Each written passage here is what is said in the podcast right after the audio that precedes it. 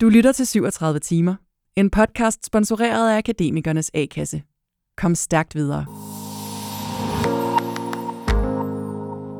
Så i den sidste sæson, der havde jeg lidt en oplevelse af, at jeg sådan kunne mærke på mig selv, okay, jeg kan mærke, at jeg, du ved, jeg er måske ikke helt så spændt på vej derude. Jeg er måske ikke helt så, du ved, jeg, jeg skal tage mig lidt mere sammen for at sørge for, at jeg er så forberedt, som jeg ligesom kræver af mig selv. Det er badehotellet skuespilleren Anders Jul, du kan høre her. I dag skal vi tale om fastbrændthed. Både den demotiverende og kedelige del af jobbet, men også hvordan man kan komme videre. Det der med ikke at kunne mærke overhovedet, hvad min passion var, der havde det rigtig svært med. Hvad er det, jeg brænder for? Hvad vil jeg med mit liv og mit arbejdsliv? Så jeg begyndte simpelthen at sige ja til alt muligt. Vi skal nemlig også høre fra Anne, der var embedsmand i 25 år. Du lytter til 37 timer, en podcast i fire dele om det moderne arbejdsliv. Vi skifter job og branche som aldrig før, og jeg kan mærke, at jeg langt fra er den eneste, der særligt i disse tider taler meget om work-life balance, fire dages arbejdsuge, hjemmekontor, ambition, motivation og alt det andet, der skal gøre, at man kan se sig selv arbejde i de der gennemsnitlige 40 år. Jeg har delt podcasten op i fire temaer, som jeg selv har brugt utrolig mange, måske lidt for mange, kræfter på i mit eget arbejdsliv. Temaerne er ledelse, mentalt helbred, identitet og ledighed, og i det her afsnit fastbrændthed. Velkommen til 37 timer. Mit navn er Abdelaziz Mahmoud, og om lidt skal du altså høre, hvordan en populær skuespiller kan miste gejsten. Men vi begynder med Anne Sisgaard, som virkelig fandt sin helt egen vej ud af rutinen. Goddag. Velkommen til. Tak skal du have. Tak, du vil være med. Ja, det vil jeg gerne. Ja. Jeg forestiller mig, når man taler fastbrændthed, så er det ikke noget med, det er fra det er en sag, eller en chef, eller en ting, der gør, at du pludselig Nej. hopper over. Nej. Det er nemlig meget rigtigt sagt. Hvad er det så? Uh ja, det er et godt spørgsmål. Altså, jeg oplevede det som en mathed. Altså, ligesom... Øh, altså, der var ikke mere benzin på mig. Jeg... Øh, altså, arbejdsglæden ser jo langsomt ud af mig. Og øh, altså, jeg er sådan lidt energiforladt, og, og det gik sådan lidt mere over i sådan en følelse af, at det der med at have ikke rigtig kunne bevæge sig, altså sådan en følelse af at have en frakke på, der er for lille, hvis du forstår, hvad jeg mener. Ikke? Det der med, man kan ikke rigtig bevæge sig, og, og bare sådan lidt mat, ikke? Ja. I det. Og, og du vidste, at det var noget med arbejdet, eller hvad? Men, eller, Nej, slet ikke. Nej. Altså, jeg synes, det tager noget tid, inden man sådan både registrerer, Ja. hvad er det egentlig, der sker. Jeg har ikke så meget energi mere, og så begynder man sådan at tænke over, hvad det gjorde jeg, hvad handler det om, og hvad troede du, det handlede om? Jamen, jeg troede, det handlede om, om arbejdet. Men jeg tænkte jo også, hvad sker der ellers i ja. mit liv? Altså, børnene er ved at være store, og sådan, pludselig blev der også mere tid til at tænke over, hvad skal jeg egentlig? Jeg er midt i livet, hvad skal jeg egentlig nu med mit liv? Ikke? Hvordan kunne du vide, at det, at det ikke bare var en slags midtvejskrise, øh, som alle mennesker skal have, eller sådan noget, men at det også handlede om, at, at det var dit arbejdsliv, som sad fast? Jamen, det kunne jeg heller ikke vide. Jeg kunne simpelthen ikke vide det. Og til sidst, altså, jeg, jeg havde den der følelse af, som, som, som jeg lige har nævnt, det der med, jamen, jeg kunne simpelthen ikke finde ud af det, og hvis jeg spurgte en god veninde, så sagde hun, jamen, prøv at mærke efter, og sådan noget. Jamen, jeg kunne ikke mærke noget. Altså, det der udtryk, vi siger til hinanden, du gør det, du brænder for, og sådan noget, men jeg kunne ikke mærke, at jeg brændte for noget. Øhm, jo, jeg kan huske, at jeg begyndte sådan på et tidspunkt at sådan tænke, okay, jeg kan også gøre det, jeg har gjort før. Måske skal jeg skifte job. Måske skal jeg, og så begyndte jeg at kigge i djøftbladet, du ved, øh, hvor man nu kigger, og sådan, og så kunne jeg se, så kiggede jeg på lignende job, og så var jeg bare sådan, ej, agil projektleder, ej, ja, det, det var ikke, altså jeg kunne slet ikke finde, og det har jeg gjort før med succes, Ja. så jeg havde ligesom ikke lige udbart nogen greb der at tage fat i, og sådan, der var ikke noget, der talte til mig sådan andre steder, Nej. som lignede det, jeg var i, kan man sige. Nu kender jeg dig ikke, men nu har jeg mødt dig i få sekunder, øh, og bare den måde, du taler på. øh, Jeg ved også, hvad du har gjort, og hvordan, hvor du er endt henne. Øh, der gætter på, at du selv ser dig som en handlekraftig, øh, farverig øh, menneske, der ser muligheder og sådan noget. Så, så når, det, når det så slem, slemmest ud, når det virkede slemmest, øh, hvordan føltes det så? Fordi jeg, jeg kan fortælle, at det, det regner udenfor lige nu, det er Ja. grønt og sådan noget. Ikke? Altså, var, det, var, der, var der sådan nogle ting, der føltes som om, at det var ude af dine hænder også, i virkeligheden? Ja, jeg synes, ja, ude af mine hænder, ja, det sådan føltes det nok, og det føltes også sådan meget, meget svært ikke at vide, hvad jeg skulle gribe og gøre i. Fordi nu du siger du handling, altså om jeg er sådan en handlingsperson, jo, det er jeg måske nok. Og, man, og så det der med ikke overhovedet at vide, hvad jeg skal gribe og gøre i, men bare kan mærke, at man bliver sådan en sofa-løve, ikke? Der bare, sofaen trækker bare, når man kommer, kommer hjem, ikke? Eller, øh, det synes jeg er svært at være i det, og uden helt at vide, hvad handler det egentlig om. Og jeg følte jo ikke, at jeg havde en depression eller sådan noget, fordi det tænkte jeg selvfølgelig også, at der et eller andet. Så det var slet ikke... Altså, det synes jeg ikke, der var nogen tegn på. Men det er jo fordi, jeg ledte efter svar og løsninger, og mm. kunne simpelthen ikke øh, finde ud af. Og jeg tænkte sådan, jeg har altid sagt til mig selv, når hvis du sådan er lidt utilfreds med dit job, så må du ligesom bestemme enten at sige pyt, og nu det her fedt på den og den måde, eller også søge videre. Ja. Hvad, hvad, hvad forsøgte du så i de, øh, de perioder, hvor du godt vidste, at noget skulle der ske? Hvad, hvad, hvad gjorde du? Jamen, øh, det der med ikke at kunne mærke overhovedet, hvad min passion var, der havde det rigtig svært med. Jeg følte ligesom, at jeg havde lag på lag på lag uden på mig. Jeg kunne slet ikke finde tilbage til, altså hvad, hvad er det, jeg brænder for? Hvad vil jeg med mit liv og mit arbejdsliv? Så fik jeg den idé, at nu er jeg nødt til at begynde, ligesom når man er en lille, lille pige eller en lille dreng, begynder at lege. Altså, så jeg begyndte simpelthen at sige ja øh, til alt muligt, og prøve alt muligt af. Og det var ikke kun arbejdsmæssigt ting, det var også noget med, øh, har du lyst til at starte med til hiphop med mig? Ja, så, så det vil jeg gerne. har du lyst til at ro? Ja, det vil jeg gerne. Øh, og så havde jeg længe tænkt, at jeg ville prøve at bokse, så prøvede jeg det. Så, Var det en naturlig ja den der, eller er det sådan en, et, et tilvalg, hvor du sagde, det var et, altså sådan aktivt, nu skal jeg sige ja, og jeg ved godt, at det er underligt at sige ja til de her ting, men det... det var en aktiv, en bevidst beslutning, Ja. at jeg, nu siger jeg, prøver at sige lidt ja til livet, det lyder sådan lidt, men det var det, jeg besluttede. øh, og så kom, der kom også en af mine venner og sagde på et tidspunkt, har du lyst til at hjælpe med noget, øh, skrive nogle politiske ting øh, i forbindelse med noget valg og sådan noget, så sagde jeg også bare ja, selvom jeg aldrig har været politisk aktiv. Men det var sådan, hvad livet kommer og spørger mig om. Mm. Det, det prøver jeg bare at sige ja til. Ja. Ja. Og så øh, det er en eller anden måde at mærke livet på igen. Ja. For mig var det sådan det der med at begynde at lege. Og så opdagede jeg jo, at selvom det startede som en bevidst øh, tilvalg, eller det der med at sige ja til alting, så førte det jo alle mulige andre ting til sig. Hvorfor nogen? Jamen, så kom der flere folk og spurgte, har du lyst til det her? Eller, jeg, jeg ved ikke, om jeg kan forklare det, men jeg følte lidt, at fordi jeg åbnede mig lidt mod verden, så så jeg måske også bare nogle nye ting. Og jeg havde i hvert fald den følelse af, at der dukkede ting op, jeg ikke havde set før. Ja. Og jeg fik lov at, at prøve ting af, eller jeg Ja. tillod mig at prøve ting af. Også ting, hvor jeg måske ikke synes, jeg var så god til det, Ja. men i stedet for at se det som en fiasko, så tænkte jeg, Nå, så har jeg prøvet det. Ej, hvor interessant. Altså det øh, boksning, øh, skrive politiske taler, øh, gå til hiphop. Øh, sådan virkelig, at det lyder som om, hvis du var en mand, så havde du taget lykra på og, og begyndt at cykle, eller lave Og en jeg har også været med i Team Rynkeby. Sådan, ikke? øhm, det, det lyder også modigt at gøre de her ting. Sådan, kan, kan I det der noget godt, og f- blev du stolt over, at du gjorde det så, så, sent, i, så sent ind i din karriere? Du tog så mange chancer?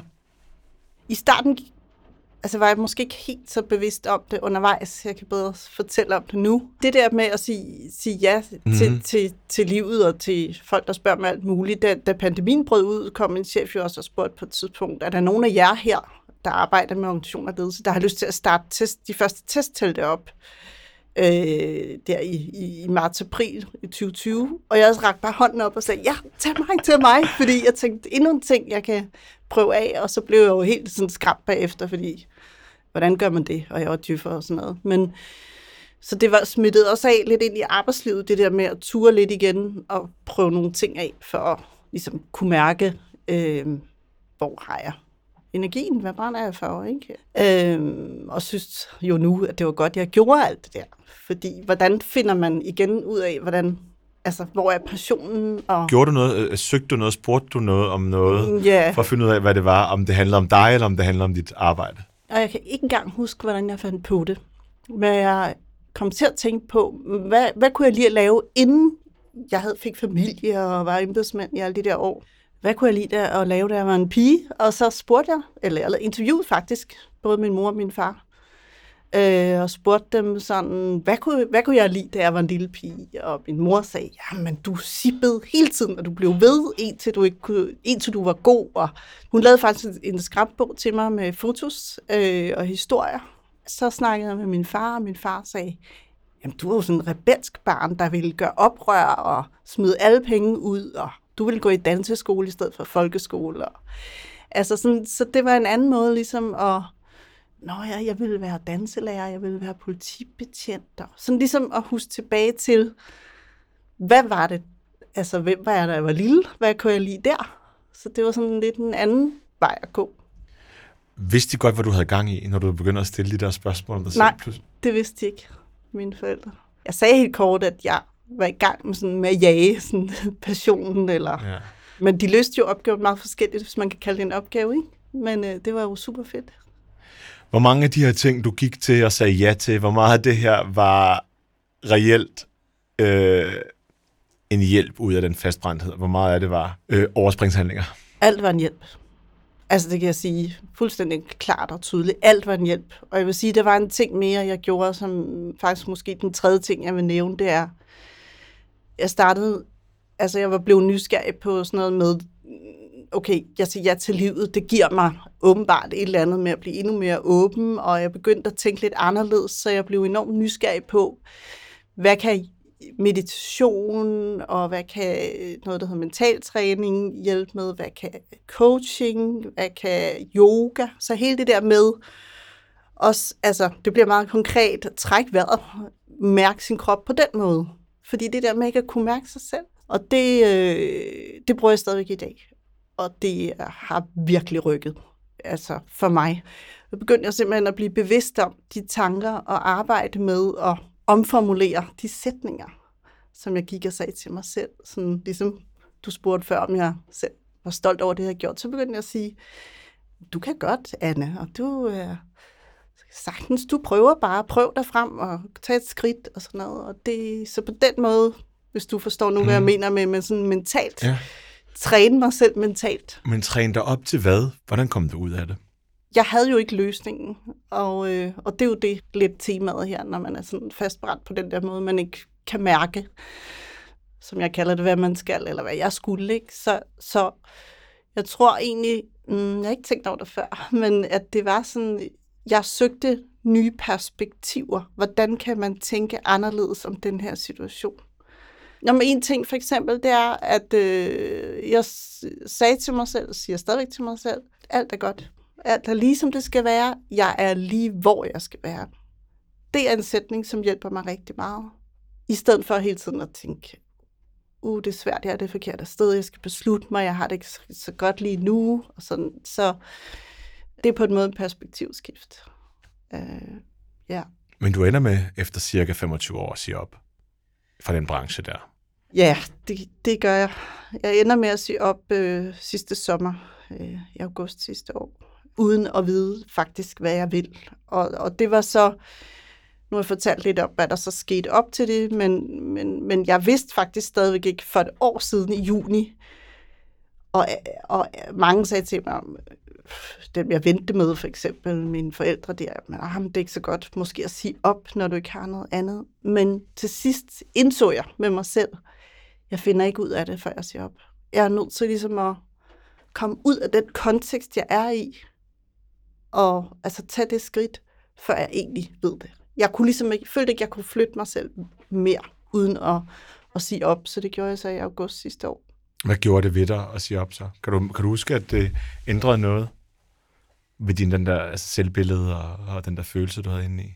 Ja, det gav mig på en eller anden måde. Jeg stoppede 1. oktober. På en eller anden måde fik jeg noget luft, endnu mere luft øh, mentalt også til sådan at tænke i nye baner. Altså, øh, jeg har, jeg har haft mange idéer før, også til alle mulige firmaer, alle mulige ting, jeg gerne vil starte. Men nu er der bare endnu flere ting, der ligesom blomstrer inde i mit hoved. Øh, masser af idéer hele tiden. Ja, og jeg begyndte jo også der rigtigt at snakke med folk, der laver andre ting. altså også iværksætter, alt, folk, der laver alt muligt andet. Øhm, så ja, det... Når du gør det, Ja, øh, taler med alle mulige andre, er det, sidder du så også der og tænker, gud, det er også interessant det der. Ej, det der, det kunne også være spændende. ja, Ja, ikke? jo. Så man i virkeligheden mest vil væk fra noget, og så, kan, så, så, så lyder alt spændende, når man gerne vil væk fra noget. Ja, jeg forstår godt, Jeg har selv mener. været i de der ting, steder, hvor man bare gerne vil væk, Ja, og så pludselig lyder ja alt så lige lyder fra alt... at starte en restaurant til Ja, det at er skrive rigtigt. bøger til alt muligt kan lyde som noget, man vil Ja. overveje. ikke? Ja. Jamen, jeg har også været igennem den der med at åbne en bogcafé og sådan Ja. noget. Det kunne være mega hyggeligt at stå Ja. og servere kaffe hver dag. Helt ikke? klart. Ja. Så, øh, Hvordan ja. fandt du så ud af den rette hylde? Hvor du endt? Ja, og det er jo så et interessant spørgsmål, fordi jeg ved ikke, om jeg er på den rette hylde, og jeg ved ikke, om der er en rette hylde. Øh, jeg jeg gjorde det, at jeg, jeg startede som selvstændig, og øh, tænkte, nu starter jeg der med det, jeg kan i forvejen. Jeg rådgiver om organisation og ledelse i mit eget lille firma, og øh, nu starter jeg med at tage lidt opgaver, og så bliver jeg ved med at være nysgerrig.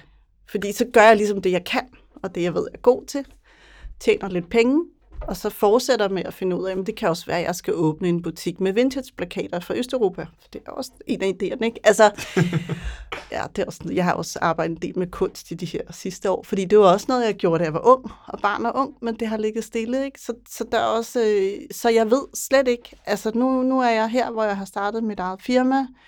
Jeg ved ikke, hvor jeg er næste år, og jeg har det super godt med det. Det, fordi det lyder som det absolut modsatte af, af, af fastbrændthed. Altså, Ja, at, du, at det er så usikkert, øh, og at det er så op, op i luften det hele.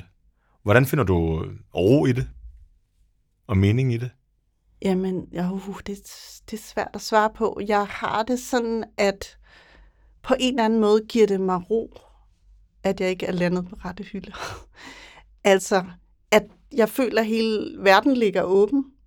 Alle mine idéer kan, kan altså det, det er 1% max, der folder sig ud, men øhm, så det giver mig egentlig mere en, en, en frihedsfølelse og en ro, selvom det måske ikke lyder sådan. Der er jo også mange, der spørger mig, om er du ikke bekymret for, om du kan tjene penge, når du nu er dig selv selvstændig? Overhovedet ikke. Jeg tænker, det løser sig. Um, jeg ved ikke helt, om det var svar Jo, nok. det var det, men det virker jo som om så, at jeg synes næsten, det også er svar på, hvorfor du gjorde de der andre ting, som ikke rigtig har noget med arbejde at gøre, men hvorfor du sagde ja til dem. Det virker som om, at de har trænet dig op til et eller andet, så at Ja, der er en form Måske. for mod og, og ro. ja. Vil du, Ja. ja. Synes du, du har spildt de der 25 år, når du nu, Nej, for søren da. hvor du var fastbrændt, eller du var fastbrændt i nogle af årene? Nej, for søren, det synes jeg ikke. Jeg, har, jeg ved jo, altså, jeg har været super glad for alle mine jobs, faktisk. Og selvfølgelig har jeg prøvet som alle andre, at øh, op til et lille års tid, inden man skifter job, så er man måske ved at være lidt træt af det, og så skal man videre og sådan noget. Det har jeg selvfølgelig også prøvet. Altså alt er godt på en eller anden måde. På den. Jeg har masser af god erfaring, og det lever jeg jo også af nu, kan man sige. Jeg havde måske bare nogle sider af mig selv, jeg ikke brugte, eller som Mm. pludselig skulle vækkes til live på en eller anden måde. Jeg ved ikke, hvad jeg skal kalde det. Hvorfor var de ikke blevet det før? Altså, Ja, livet går på en eller anden måde. Nogle gange tror jeg, at øh, når jeg tænker tilbage, så tænker jeg jo, jamen der har jo været mange år, så, altså, så har jeg haft familie, og og så, har man, så har man sin bolig og sine børn, og sit sommerhus, og nogle husdyr, og nogle ferier, og så søger man en job, og så vil jeg gerne lede, så, så prøvede jeg nogle lederjobs, og altså, man, altså jeg tænker, jeg har sådan, jeg har gjort det, jeg havde lyst til, men jeg har også sådan fuldt, fuldt øh, det alle andre gør, kan man lidt sige. Det vej, ja. klassiske vej, Ja. og jeg har ikke sådan, jeg har jo selv ikke søgt andet, men, men, men det har været godt for mig. Mm. Altså, så der er ikke sådan nogen, det er ikke sådan, jeg tænker, jeg fortryder noget, Mm. eller øh, tænker noget, jeg kunne have gjort anderledes overhovedet. Øhm, Du har så også gjort det, så mange øh, fantaserer om at gøre, altså når de sidder den der fastbrændthed, fordi jeg tror, at nogle af de tilfælde måske håber på at blive reddet af nogen, altså man får tilbudt det der fantastiske job, eller at øh, man finder kæresten, eller omvendt ægteskabet går heldigvis går altså opløses, eller et eller andet, Ja. som på en eller anden måde sker af sig selv, håber, håber mange, tror jeg. ja. Øh, Du valgte så at gøre noget, men du, men du ved heller ikke, hvor du landede, eller om du landede godt. Øhm, kan du komme til at fortryde, at du gjorde det, i og med, at du lige nu ikke aner, Ja. hvad det har ført med sig? Jeg er landet godt. Jeg ved bare ikke, hvad det næste, der sker, er, og det er det, jeg sådan set er ret vild med, ikke? Ja, altså og, fagligt, og ja, ja, ja og, og fagligt, ja. der ved du ikke lige, hvor Den nej, jeg slutter. ved ikke, hvor mit arbejdsliv slutter. Jeg tænker jo rigtig meget, at hele arbejdsmarkedet ændrer sig lige de her år, øh, så ligesom jeg gør, ved der er jo mange andre, der gør, man prøver at måske stykke sit arbejdsliv sammen med, nu laver jeg ledelsesrådgivning blandt andet, og så måske også noget kreativt ved siden af. Der er jo ikke nogen, der siger, at man ikke kan leve af kunst samtidig. Øhm, men ja, når du siger det der, der kommer, altså, der kommer virkelig ikke nogen, der redder øh, en. Det skal man så meget huske i alle livets forhold, også i arbejdslivet. Der er man nødt til at tage, altså, tage ansvaret. Øh, og det kan jeg nemt sidde og sige, nu er jeg på den anden side. Men det var ikke nemt for mig dengang heller. Så. Nogle gange har de her øh, kolleger, der måske bare gerne lige vil have en snak om, hvordan de synes, at øh, ja, de aldrig rigtig bliver valgt til noget, eller hvorfor mm. er det ikke mig, der sidder på det og det projekt, eller Mm. og i vir- virkelig sammenligner sig med andre. Den og den flyver bare afsted. Jeg synes ikke, jeg bliver valgt. Øhm, så plejer jeg sådan at sige, at man faktisk øh, også skal sige det lidt til universet. Altså man skal sådan lidt sige det højt. Men, men, men der, der kommer ikke øh, en eller anden, der kan tænke dine tanker. Der er heller ikke en chef, der hele tiden tænker på dig og Nej. overvejer, hvad de næste... Han, han eller hun har virkelig mange andre ting Ja. og personer at tænke på. Så Ja. simpelthen sige det højt, både til ja, dig Ja. selv, universet, Ja. og til chefen i virkeligheden. Ikke? Ja. Er, er du, og du nikker? Du kan godt genkende Ja, det? jeg kan ja. genkende det så meget, nu ser jeg også noget højt, som er sådan lidt skræmmende for mig. Jeg havde overvejet at skrive en bog omkring alt det her, fordi jeg synes, jeg er så optaget af det der med, hvordan... Øh, hvad kan man gøre, når man brænder fast i livet, på, på om det så er arbejdslivet eller andre, øh, altså, eller har en livskrise, eller hvad man kalder det. Altså, og det er jo helt vildt, jeg sidder og siger, at jeg måske skal skrive en bog, men jeg tror virkelig på det der med at sige tingene højt, som du også siger. Øh, sige lidt højt til universet, eller netop til en kollega, eller altså, at hvis vi tør at være lidt mere sårbare, øh, det betaler sig. Det, Ja. det tror jeg Ja. virkelig på, at øh, altså, det er noget af det bedste for alle mennesker, det er, når vi har sådan et, et nærvær med hinanden, og faktisk lytter og tør åbne lidt op. Ja. Det er også en måde at komme videre på. Helt sikkert. Og hjælpe hinanden med øh, at se øh, andre veje. Altså i virkeligheden sige, Ja. uden at give dem alle svarene, så bare sige, har du prøvet det her? Eller godt, du siger det til mig. Har du sagt det til din chef? Eller har du sagt det til... Ja, øh, øh, i, min, I min verden er det, for meget, var det meget ufint at sige, at man gerne vil være vært, for eksempel. Men jeg tror, at rigtig mange journalister går rundt og håber, at nogen prikker dem. Ja. Og siger, kunne du tænke dig at være vært? Ikke? ja, Øhm, det samme tror jeg med ledelse, eller med, mm. sådan, øh, eller med, hvis man gerne vil skifte branche eller afdeling og sådan noget. Altså, man, der er mange, der sidder og lurepasser lidt og håber på, at det sker Ja. sig selv. Ikke? ja, Det lyder, som om du også taler ind i en tid, Anne. Altså, der er et eller andet ja. med post-corona, mm. øh, og at der er mange, der har haft de overvejelser der. Kan du genkende det, når du har været åben nu, om at øh, du tog sagen i egen hånd nu og gjorde noget ved det? Jeg kan jo se det på LinkedIn og sådan nogle steder. Jeg tror ikke, min egen situation kom jo, startede jo lidt før det, men ja, jeg kan se, der sker virkelig meget, og det taler man jo også om i USA og sådan noget, at rigtig mange siger deres job op. Så coronaperioden har jo givet tid til eftertanke og refleksion. Så ja, der kommer til at ske noget, og jeg synes, det er mega spændende, også det her med at snakke om pauser i livet, i stedet for øh, at gå på pension, Ja. altså et andet P. Mm-hmm. Øh, det er, jeg tror, at vi skal virkelig give os til, at det er et andet arbejdsmarked, og det Mm. måske kan skabe meget arbejdsglæde for, for mange mennesker, at man kan variere sit arbejdsliv meget mere, og netop ikke helt brændt fast, som ligesom er temaet her i dag. Øh, og man kan måske skrue ned også, hvis man har små børn, og lave noget andet ved siden af, eller der tror jeg simpelthen, øh, at øh, vi skal være meget mere eller, ja, fleksible i den måde, vi tænker på. Og at nu tænker jeg ikke kun på digitale løsninger, men i det hele taget, hvordan arbejdslivet skrues sammen. Mm. Jeg synes, det var rigtig rart at, øh, at få det her perspektiv på arbejdslivet, øh, som, altså, også som en, der befinder sig lidt midt imellem de der helt unge, der bare stormer frem og ikke har nogen hensyn at tage, hverken familiære eller sådan øh, sundhedsmæssigt, man bare sådan har fuld fart. Og så er der dem der, der øh, på et eller andet tidspunkt også siger, øh, stress eller en anden form for mur rammer mig, noget derude. Men så er der altså også den her kæmpe store gruppe, der sidder i et arbejde, passer det, øh, og øh, ikke rigtig kan forstå, øh, hvorfor det så stadig er Ja. så svært.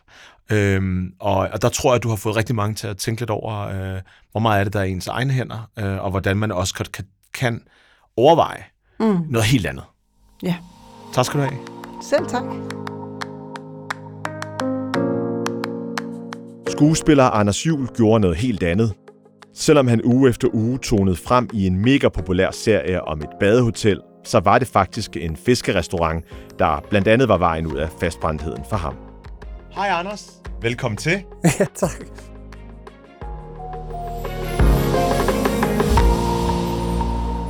Prøv at fortælle om sådan en rigtig god arbejdsdag i dit fag. Det er en dag, hvor øh, jeg skal arbejde med en scene, som jeg sådan inden har været øh, en lille smule nervøs for, om, øh, øh, om jeg er i stand til at løse, som jeg har forberedt mig godt på, og som øh, ligesom først, jeg først ved om lykkes, når jeg møder mine medspillere og mine instruktører osv. Så, så det er en dag, som er sådan forventningsfuld, en lille smule spændt og nervøs, men også sådan, øh, sådan sulten, fordi at der er noget indhold øh, i figur eller i scene, som jeg har lyst til at formidle. Men du starter med at bruge ordet nervøs, altså som et positivt ord, øh, og og noget, der, kunne, der er godt at have i dit, i dit arbejdsliv. Hvorfor det? Det tror jeg fordi, at øh, jeg i hvert fald som skuespiller på en måde er den, der skal levere det, øh, eller være det. Og øh, hvis noget lykkes, så øh, er det på en måde mig, der lykkes. Selvfølgelig altid sammen med nogle andre. Hvis det ikke er, så falder det også tilbage på mig. Og det, det er sådan, på den måde har jeg mig selv på spil hver dag, når jeg er på arbejde som skuespiller. Så det modsatte, en, en dag, der er knap så god, hvor, hvad, hvad indeholder den så? Ja, den indeholder nok øh, lidt for meget forudsigelighed. At skulle gøre noget, som jeg har gjort for mange gange før, øh, som er uden spænding og uden nervøsitet, ja, som på en eller anden måde øh, ikke, jeg ikke pirker til øh, mit eget sådan, nærvær. Og Det, det er jo blandt andet det, der er temaet i dag. Øh, fastbrændthed, det her med at måske føle, at, at det, man laver, det kunne man lige så godt lade være med, eller det giver dig måske ikke så meget. Vi øh, kender dig for øh, mange forskellige ting. Lykke, Borgen, En frygtelig kvinde, Badehotellet. I dag skal vi øh, især også tale om øh, TV2's meget populære tv-serie Badehotellet, som har øh, kørt i mange sæsoner, hvor du var med i fire øh, af årene som øh, rollen som øh, Max Berggren, mm. inden øh, du sagde, det, det skulle du ikke mere. Prøv da bare lige fortælle os lidt om, om den her rolle, Max Berggren. Hvem er han? Max kommer ind i øh, anden sæson, og er ligesom sådan øh, en, der er sådan en, en, en, en person eller en figur, der sådan personificerer den udvikling, der er i gang i samfundet. Han øh, hører øh, jazzmusik og øh, læser øh, digte, og er ligesom optaget af øh, sådan en fritænkning, øh, og sådan de der brydninger, der er i tiden på det arkitektoniske, på musikken, på skrivekunsten osv. Så han er sådan på en eller anden måde sådan en repræsentant for nybruddet øh, i den tid der. Badehotellet er måske øh, den eneste serie tilbage, der bare sådan rammer den øh, lige i røven. Jeg tror, at de på TV2 kalder det et pletskud. Det er, når den øh, både har virkelig flotte tal på øh, god gammeldags flow, men også streamer virkelig, virkelig godt. Og, øh, og den har jo så fået, øh, altså den rammer bare der i de der mørke måneder øh, i Danmark, mm. med det her fantastiske lys og positivitet, som der i hvert fald var i en del sæsoner. Og der kommer du altså ind øh, allerede på sæson 2. Ja. Hvordan var det sådan lige i starten at, at være med i den serie?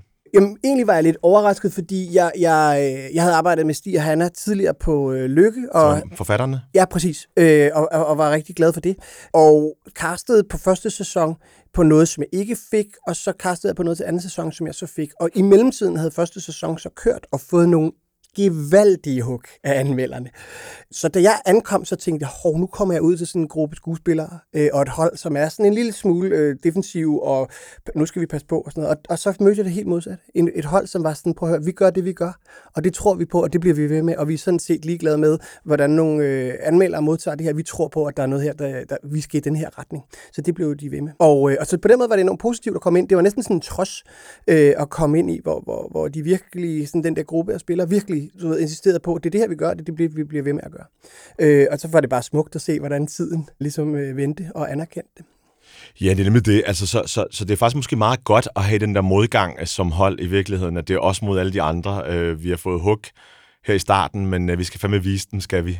Ja, altså det kommer vel ret meget an på holdet, men det Ja. der hold kunne på en eller anden måde formå at stå sammen. Ja. Øh, og det, det synes jeg var ret øh, fedt at komme ind i. Hvordan arbejder man så på den her serie?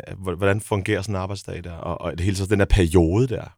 Ja, altså, man, man, altså du, du får jo et manus, og det, det kommer sådan løbende hen over det der cirka halve år, hvor de her sådan 5, 6, 7 afsnit bliver optaget. Halvt år alligevel. Ja, altså jo ikke Lang tid. konstant, Nej. men så ja, ja. har du så tit, så ligger to afsnit bliver optaget samtidig, så bliver det skudt ude for kontinuitet, siger- øh, hedder det. Så man kan godt have tre scener, som foregår i en restaurant, øh, men som er i to forskellige afsnit, for eksempel, øh, på den samme dag. Men jeg får et øh, manuskript, jeg læser manuskriptet igennem nogle gange, for ligesom at ligesom få en fornemmelse for linjen, så læser jeg mine scener igennem, sådan med blik på den karakter, jeg har, øh, de relationer, han har. Øh, hvad er det, du ved, hvad er det, jeg skal her? Jeg skal, skal jeg skubbe til denne her figurs udvikling? Er det min egen figur, der øh, går i gang med en udvikling osv.? Sådan lidt strukturelt sådan arbejde. Jeg vil sige, hvad er funktionerne her i scenen? Øh, så forbereder jeg mig sådan ud fra det. Skal jeg selvfølgelig lære min tekst udenad, men også sådan have en form for overblik over, hvor på buen den dramatiske bue ligger det her. Og så, så øh, ofte så kører jeg enten til kørte jeg til studiet ude i Risby, øh, hvor sådan alt interiøroptag foregår, eller også så fløj vi til Jylland og optog det over ved Vesterhavet. Og så starter man ofte rigtig, rigtig tidligt om morgenen i sminke, kostume, og så går man ind til prøver for ligesom at stage scenen, hvem står hvor, hvem siger hvad, hvad sker der, der er drukket kaffe, hvem kommer ind og ud. Øh, og så bliver der sat et lys og gjort klart, kamera bliver gjort, sat op, og så går man ligesom i gang med en optagelse. Og så kan der ligge sådan i løbet af en dag alt fra 3 til otte scener, man er med i. Ikke? Nogle dage kommer man ud og bare laver en enkelt scene, andre dage er du der hele dagen. Så det er sådan nogenlunde en arbejdsdag. Altså, mit sådan øh, stage-gen og sådan øh, ekstroverthed, øh, hed, hvis det hedder det, øh, hvad hedder det, tændes lige nu, hvis, når jeg prøver at visualisere din arbejdsdag, altså det der med, at der er så meget forberedelse, der er så meget, man har ventet måske, øh, man har, øh, den, den tidligere sæson har kørt over skærmen, og nu skal man i gang igen, og, og der er så meget forberedelse, transport, øh, make-up, og så skal man i gang. Værsgo, forestiller mig, en eller anden mm. siger. Ikke? Ja, det gør de. øh, og så tænker jeg, så, så, så, man- så er man tændt, at, og du kalder det en lille smule nervøsitet, eller øh, på Ja. hed i virkeligheden. Så er du videre til sæson 2, måske også sæson 3. Er du stadig sådan, føles det stadig godt, og er du stadig på der, når du kommer ind og, og, og skal medvirke i flere sæsoner? Ja, det, det er i hvert fald sådan min ambition. Mm. Altså det er jo sådan set ret meget noget af det, jeg styrer efter. Ja. At, jeg, at, det, at jeg skal kildes det sted, jeg skal ligesom Mm. være et sted, hvor jeg kan mærke sådan, når jeg tager på arbejde, øh, så, så, så er det fordi, jeg har en agenda, der er noget, jeg gerne vil. Øh, jeg er på en, eller anden på, på en eller anden måde påvirket af at skulle ind og påvirke noget andet. Mm. Så det er i hvert fald sådan, det jeg grundlæggende leder efter at have med mig ind. Øh, hvis ikke jeg har det, så, så får jeg det sværere. Ja. Altså, så, så det, det er klart et tegn for mig på, sådan, hov, nu, nu er der noget her, jeg skal kigge på som, som menneske og som skuespiller. Ikke? Ja. Ja. Så, så hvor- hvornår får man at vide, at man skal være med i en sæson mere? Gør man det fra start af, eller er det fra år til år? Eller? I forbindelse med badehotellet, ja. så, øh, så stiger han er sådan enormt lojal. Øh, de figurer, der ligesom er inde, dem, dem, det er sådan min oplevelse, at de, de går sådan med videre.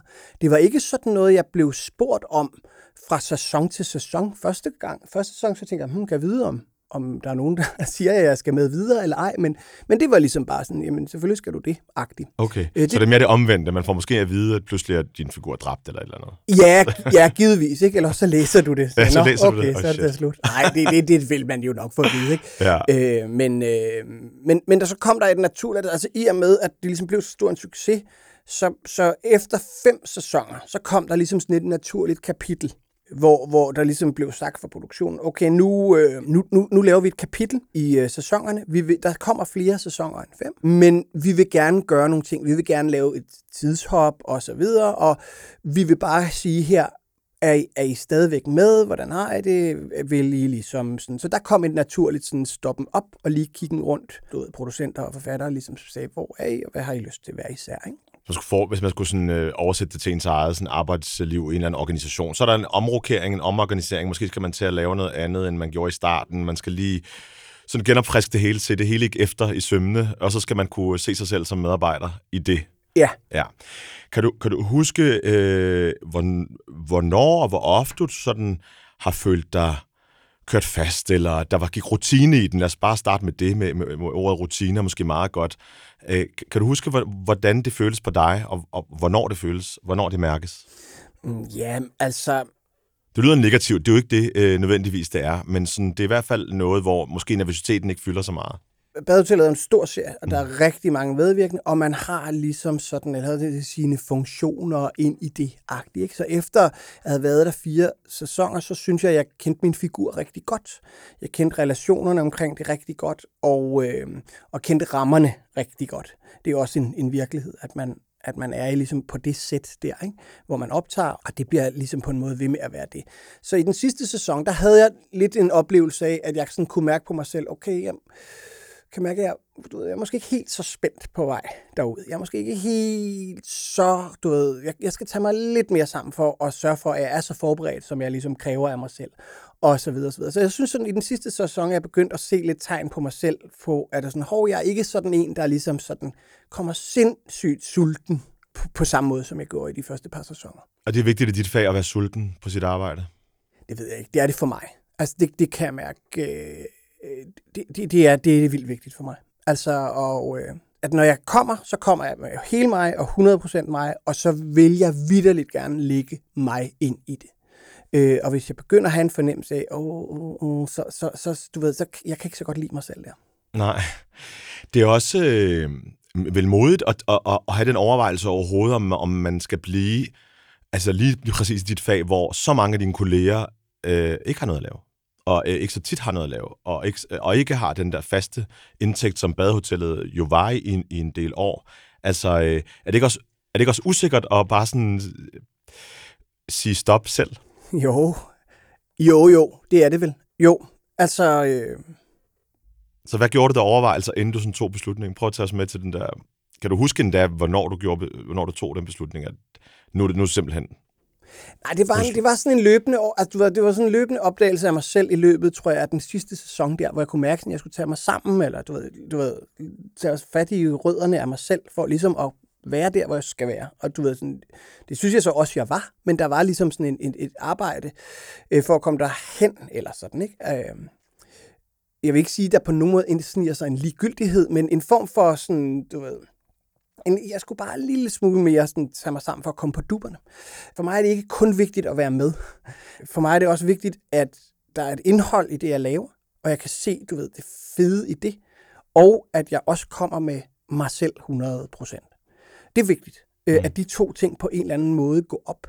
Og det er jo sindssygt, altså du ved, jeg, jeg har ingen du ved, kritikpunkter på badehotellet, på produktionen, på, på, hvordan jeg er blevet behandlet. Tværtimod, det er simpelthen det mest ordentlige sted på planeten. Og du kan jo bare se, hvor stor en succes det er. Men jeg kunne mærke min side af det.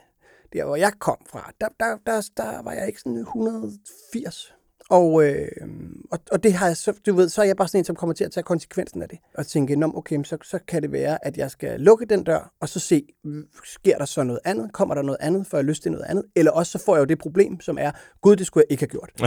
Men det lærer jeg jo så også noget af. Ja, præcis. Øhm, og, og, og var de overrasket, var folk omkring dig overrasket over, at du havde det sådan der? At du var sådan kørt lidt fast i det, altså øh, i hvert fald i din egen, i dit eget selvbillede? Det ved jeg ikke. Det, det, det må du spørge ja dem om... Altså, det var en... Var, det var mere sådan, hvordan var reaktionerne, at du gerne ville vide? Jamen, det, det var enormt sådan respektfuldt ja. og ordentligt, og der, de var de der kede af, mm. men havde respekteret også min beslutning. Øh, så, så, så, ja, så det var egentlig sådan utroligt kedeligt og udramatisk ordentligt. Kunne du mærke det også sådan øh, på din krop eller din psyke, at du havde det, som du havde det med, med, det, med det arbejde til sidst? når jeg ligesom sådan spurgte lidt omkring mig, sådan, og dem, jeg har lidt tæt på, så, så, så var der flere af dem, der sådan sagde, nå jo, men der, du, skal, der, du skal jo også tænke på, at der, du er jo nogle gode penge i det her. Ja. Øh, øh, og du ved, det, det, så på den måde, det bliver ret hurtigt sådan en, det bliver ret hurtigt afgørende for mig, at sige, okay, det, så, så må jeg jo hellere stoppe. Eller sådan, ja. det, du ved. Og det er jo ikke fordi, at du ved, det har aldrig drevet mig, det der øh, økonomi. Men, men, øh, men altså, jeg ved sgu, jeg, jeg vil ikke sige, at jeg var sindssygt påvirket. Jeg tror måske, at jeg fik, du ved, jeg er måske meget god til i god tid at få sagt, hov, kære venner, jeg, jeg, jeg er her ikke nok til, at jeg synes, det er rimeligt. Mm. Eller sådan, så, så det er jo ikke, fordi jeg sådan, synes, jeg var endte i et, et hul, eller en depression, eller i en, altså, jeg var dybt presset over det. Jeg kunne bare se, hvis jeg siger ja til noget, der minder om fem sæsoner mere af det her, hvad, hvad, hvor fanden ender jeg så henne med, min, med mit engagement og min lyst her? Og så var det på en eller anden måde næsten mere pigerne at sige fra. Øh, fordi hvad sker der så? Eller sådan, og der kunne jeg så lidt bedre mærke mig selv igen.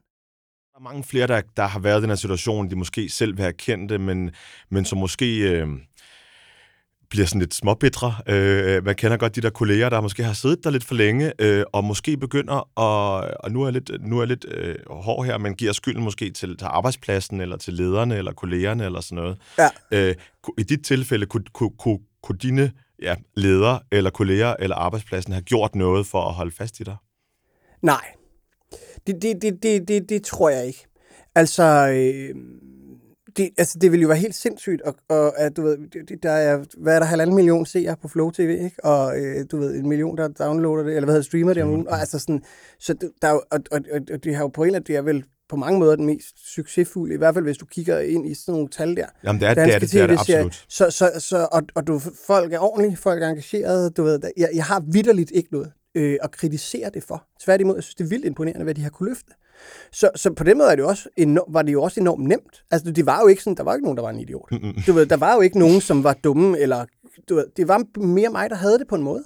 Men, men det er nemt for dig, tror jeg, for den type, du er. Og, men, men, men nogen vil måske netop øh, specielt hvis de konfererer med sådan deres øh, partner eller et eller andet, sige, der er jo ikke noget, jeg kan sætte fingeren på her, så hvorfor fanden stopper du? Altså, du kan ikke rigtig, alle er netop søde ved dig, du ja. har en god løn, og ja, du har et fag, som er sådan noget, eller sæsonarbejde, eller ja, hvor, og der er stor arbejdsløshed og sådan noget, ja. så der er ikke noget. Så det kræver også noget øh, af dig, øh, tænker jeg. Så du så havde, havde truffet valget og, og, og, og over på den anden side, havde du så sørget for, at have noget at falde tilbage på, som det, det hedder rigtig, rigtig fint. Altså, havde, var der allerede legnet noget op sådan Nej. til dig? Nej. Nej. Så hvordan var det så i perioden efter? Jamen, altså, det er jo underligt, fordi at det jo også er sådan, en arbejdsplads er jo også på en eller anden måde en, en, en, en altså det, det er jo også lavet en masse relationer. Mm. Øh, og øh, det, altså du ved, de der badehoteller, der bliver tit talt om en familie, og det forstår jeg virkelig godt, fordi der, der er et stort sammenhold. Jo også netop lavet, tror jeg, den modstand, det mødte fra start og sådan noget. Ikke? Så der, der, der, der synes jeg sådan, at det der med at træde ud, øh, kunne godt føles sådan lidt sådan, gud, okay, der stod jeg der en bus, og den kører bare videre. Ikke? Øh, så kan jeg være vildt glad for at konstatere, at det stadigvæk går fantastisk, og du ved, det er jo helt tydeligt, at det, det fungerede jo også så fint uden mig. Satans. ja, ja. Ej, men bror, der, der, der var jo intet der, så Nej. på den måde er det sådan... Og så har jeg bare, du ved, så møder jeg jo mine kollegaer ofte i alle mulige andre sammenhæng, og du ved, folk er søde og rare. Men jeg, men jeg kunne godt mærke det der med, at man siger, okay, det er også at stå en bus, og den kører videre. Eller sådan, ikke? Det, den der ja, passion er det vel i virkeligheden også, vi taler om i dag, som vel er det modsatte øh, af, af fastbrændthed. Mm. Øhm, er det, ja, hvad, hvad gjorde du for at genfinde en passion? Eller sådan, hvad hoppede du på? Hvad var det næste, du kiggede efter? Var, altså, var det vigtigt at gøre det mod, Nu ved jeg ikke, hvad det modsatte af badehotellet er. Det tænker jeg er noget meget, meget snævert øh, fransk, øh, sort-hvid. ja, sige, i en kort film. Ja. Nej, øh, egentlig ikke jeg havde ikke nogen sådan strategi. Nej. Det var ikke sådan, det, nu gør jeg så det her i stedet for. Nej. Altså, jeg, hvad søren lavede jeg så? Efterfølgende lavede jeg, tror jeg, så lavede jeg Fred til Land, som er en DR-serie. Mm. Øh, jeg lavede en monolog på det kongelige teater som jo på en måde også var sådan et, et forholdsvis smalt kunstnerisk ja, projekt, ja. øh, som jeg var optaget af. Jeg lavede en del, øh, som jeg også virkelig var sådan noget, jeg måtte dykke dybt langt ned i. Mm. Så når, når du står der på det kongelige teater og har en monolog mm. i forhold til den der kæmpe store familie øh, og maskine, øh, velsmorte maskine, som kører rigtig godt, populær, brede maskine, som lønner godt og som er over lang tid. Ja. Øh, også hvor man kan tage ting om og sådan noget. Prøv ja. at fortælle om kontrasten der, altså bare som, som skuespiller og... Øh, at stå på den der scene og lave monolog? Jamen, altså, bare det at være på teateret er jo så voldsomt øh, anderledes, fordi at man jo har en prøveperiode på de der 6-7 uger inden. Så der er ligesom sådan en helt anden gå ned i materialet, virkelig du ved, prøve at få det til at virke og gennemarbejde der kunne være eneste lille nuance af det. Og primært jo fordi, at man har hele ansvaret i den tid, man spiller forestilling. Øh, når du er skuespiller på en tv-serie, så kommer du ind, og så skal du ligesom levere din figur og dine replikker og sådan noget ind til scenen. Men hele det der dybdearbejde, det ligger i virkeligheden ret meget ude hos forfatterne og producerne, dem der okay. ligesom skaber helheden. Ja. Øh, og jeg skal ikke bære en helhed igennem et, et afsnit af en tv-serie. Jeg er ligesom inde og fylde nogle funktioner ud, så den helheden ligesom øh, samler sig i et klipperum til sidst. Ikke? Øh, på teateret, der bærer jeg ansvaret fra tæppet går op til det, det, det går i igen. Ikke? Øh, og derfor så er der en længere sådan, øh, prøveperiode, en længere fase, forberedelsesfase. Øh, så det gør, at man nogle gange kan komme om jeg så må sige, lidt sådan dybere ned i, i nogle af tingene, ikke? Øh, af de ting, man arbejder med. Øh, og så er der jo den der kæmpe forskel, at det du spiller til er et, øh, frem for at være din medspiller og et kamera, så er det et publikum. Øh, så der er man jo hele tiden i gang med sådan en justering i et rum, hvor er publikum i dag, hvordan tager de imod det? Øh, er de meget på komedien, så kan det være, at man skal accentuere øh, tragedien lidt mere. Øh, okay, der bliver, øh, nu bliver det meget dyster, så man prøver også lige at finde de lyse toner i fortællingen, så man ligesom på en eller anden måde hele tiden prøver at folde historien mere og mere ud. En ting er på det der sådan narrative niveau, men noget andet er også på sådan det der følelsesmæssige niveau, det, der, det er, at vi er sammen i et rum. Hvor meget kan vi folde ud øh, i et teaterrum sammen, så vi får så meget af historien lempet ind i vores nervesystem som muligt. Ikke? Jamen, du taler jo helt vildt, som om, at det var det, altså bare man lytter til dig, lyder det som om, det var det helt rigtige for dig. Altså, det var det helt rigtige tidspunkt, og det var, altså, du, du er meget passioneret, kan man i hvert fald mærke her. Har du, at, at overvejer du sådan din branche, om der er nogle ændringer øh, på, i jeres branche? Lige nu taler man, jeg tror stort set alle mennesker, du møder, øh, vil fortælle om, at de har gen, er virkelig overvejet, hvor de er henne i deres liv. Øh, corona, krig og økonomisk krise ja. gør, at man virkelig tænker på, om man er det rigtige sted, eller mm. det rigtige øh, fag, eller arbejder på en rigtig måde. Ja. Har, har, du også haft de, har du også haft de tanker? Ja, det har jeg, og det har jeg hele tiden, var jeg lige ved at sige. Ja. øhm, der, altså, jeg mødtes med mit hold fra teaterskolen og et andet hold efter 10 år. Ikke? Øh, efter 10 år efter vi var færdige. Og de første 10 år, der, havde jeg, der spillede jeg bare teater. Og teater, teater, og lavede lidt tv og frem og tilbage. Der var det jo ligesom, der var jeg totalt på bare at opleve det. At være med og spille og prøve og gud, og nu har jeg prøvet at være på Betty Nansen Teater. Shit, jeg har prøvet at være med i en, en DR-serie. Og sådan at opleve det. Ikke? Øhm, og så mødtes vi det efter 10 år, så var der virkelig mange af de der samtaler. Hmm, hvad så nu? Ja. Og jeg, har vi også prøvet at være lidt rundt om blokken, og hvad betyder det egentlig? Du ved, hvordan skal man nu investere ind, når, når bare det, at du ved, på en måde er det jo også lidt at få hovedet ud af sin egen røv, og se, okay, hvordan, du ved, en ting er, at jeg er med i noget, og jeg er lykkes, og sådan noget, så bliver jeg glad. Og det, er sådan, det perspektiv kommer lidt i baggrunden, og nu bliver det sådan lidt, okay, hvad kan jeg gøre? Du ved, hvor kan jeg lægge mine kræfter hen?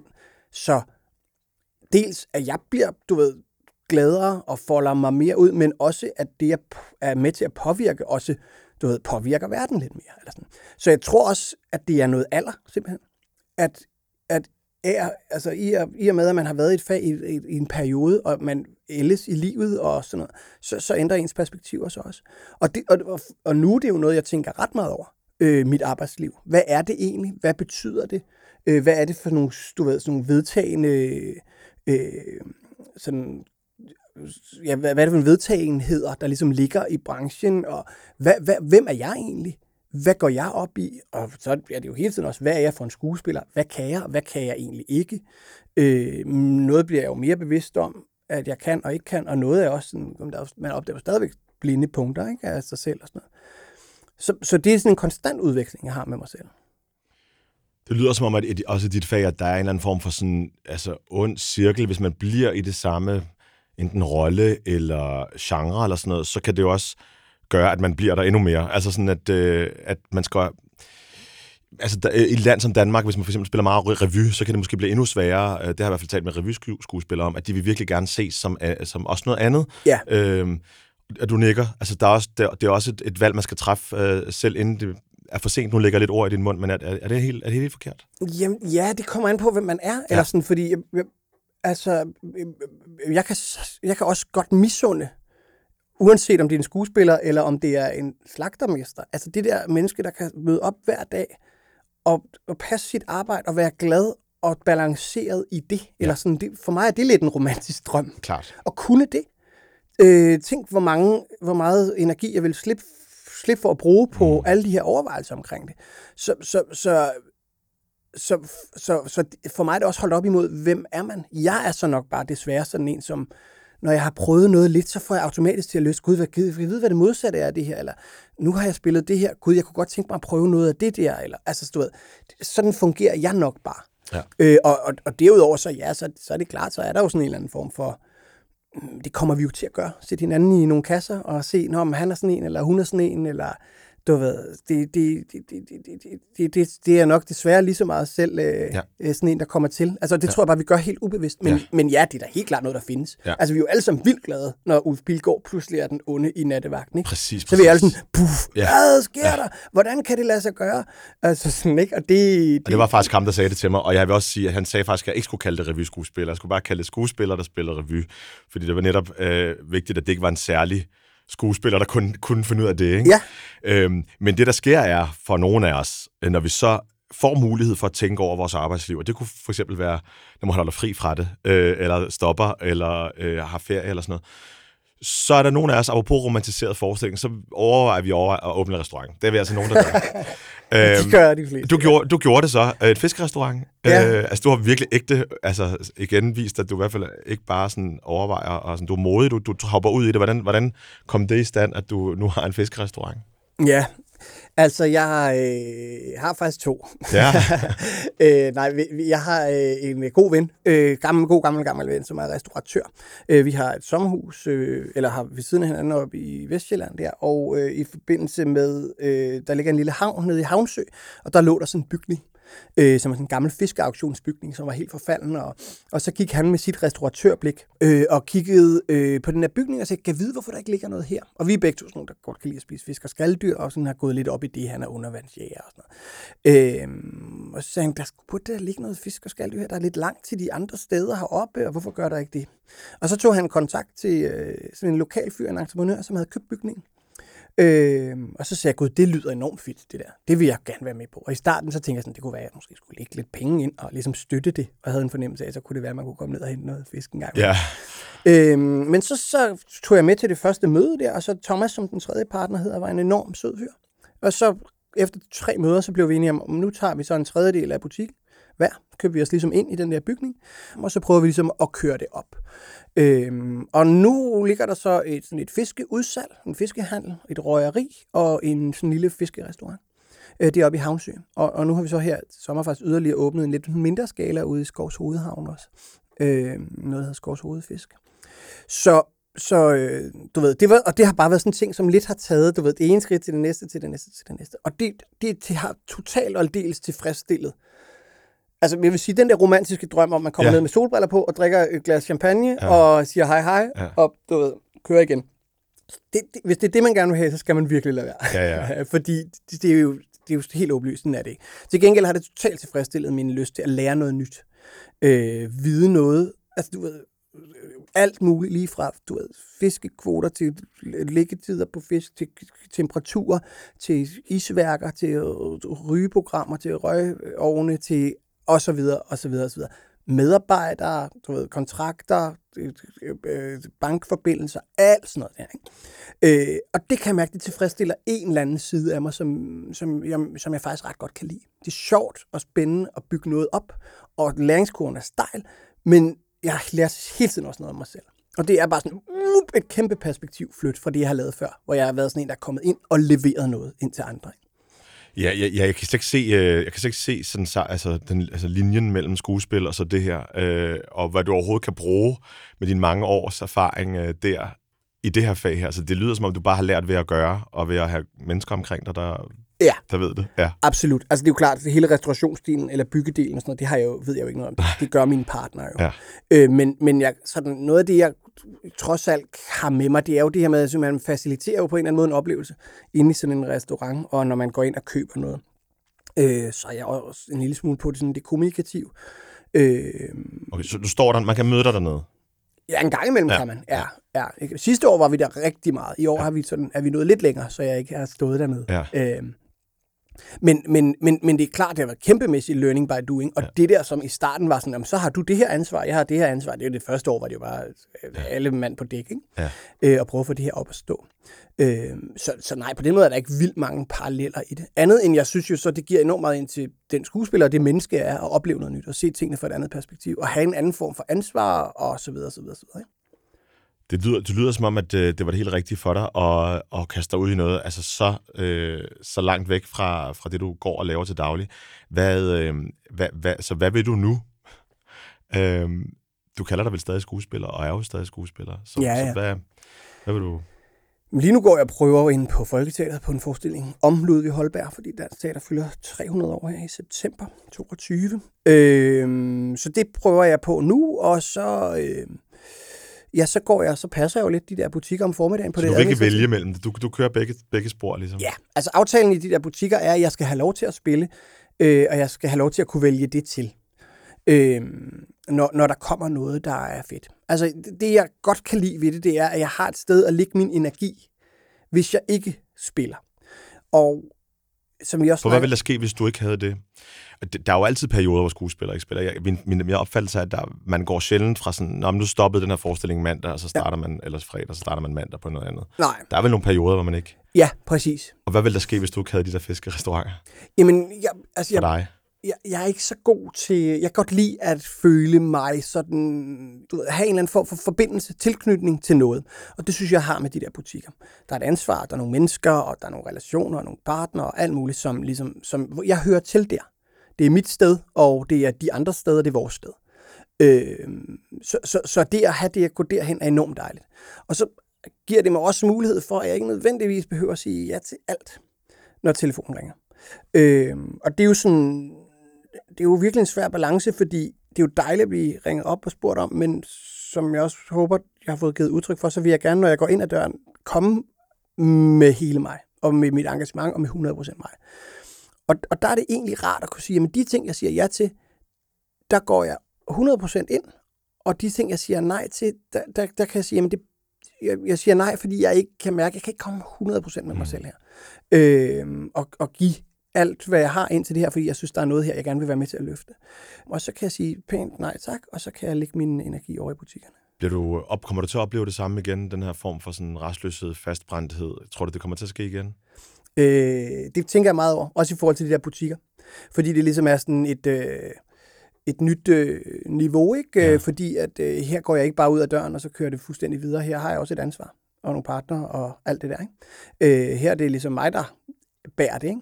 Øh, her er det ikke mig, der går. Her er det mig, der bliver gået fra, ikke? Af ja. mine medarbejdere, der går og sådan noget, ja. ikke? Så nu er du, nu er du manuskriptforfatteren? Og ja, ja, ja, præcis. Eller producer, ja, præcis. Ja. Øhm, så, så, så, så, så, så, jeg håber ikke, at der kommer sådan, at jeg tænker sådan, gud, nu har jeg prøvet det, nu vil jeg gerne videre, og du ved, starte en eller anden jordbeton entreprenørvirksomhed eller sådan noget, et eller andet, ikke? Øh, det, det, vil jeg, det vil jeg synes var virkelig ærgerligt. Men man møder, jeg forestiller mig, at man, eller jeg i hvert fald, kommer til at møde det her mange gange i livet. Hvor man, du ved, fordi at jeg jo flytter mig, bliver ældre, og får børn, får unge, får unge, det er lavet hele tiden, ens perspektiver flytter sig. Og derfor, de relationer og det arbejdsliv, man indgår i, bliver jo også på en måde spejlet, eller du ved, bliver, de, de perspektiver flytter sig jo også, så, så jeg tror, det er en overvejelse, som vil blive ved med at være der for mig. Er jeg det rigtige sted? Er jeg involveret øh, så meget, som jeg gerne vil være? Flytter jeg på det, jeg gerne vil flytte på, eller er jeg med til at flytte på det, jeg gerne vil flytte på? Er der indhold og øh, du ved, intention i det her, som er interessant? Flytter det noget i et samfund, eller i en fortælling, eller de der sådan, perspektiver, det, de, de, de overvejelser, tror jeg, vil være konstant og for altid i mig. Eller sådan, det, det, det er sgu nok bare min måde at være på. Altså, jeg, jeg kan tydeligt mærke en masse paralleller, og jeg tror rigtig mange kan spejle sig i det her, om det er dig eller Anne, om man sælger fisk, eller står på en scene, eller arbejder på kontor at, øh, at man øh, skal overveje selvfølgelig sit arbejdsliv, det gør de fleste, men øh, sin passion, hvad det er, der, hvorfor gik man ind i det her, har man det stadig sådan her, og måske i tide inden andre, øh, inden andre træffer valget for dig, øh, overveje simpelthen, hvad, hvad, hvad du selv kan, kan gøre for, at du stadig har den der passion der. Det, jeg synes i hvert fald, det har været øh, utrolig inspirerende, øh, Anders, at, øh, at høre, hvor meget du øh, kan tænde på mange forskellige ting, og hvor meget du har taget sådan ansvar for dit eget liv. Ja, tak. Tak skal du have. ja, tak.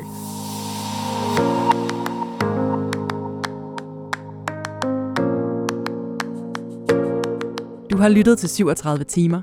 En Heartbeats podcast, sponsoreret af Akademikernes A-kasse.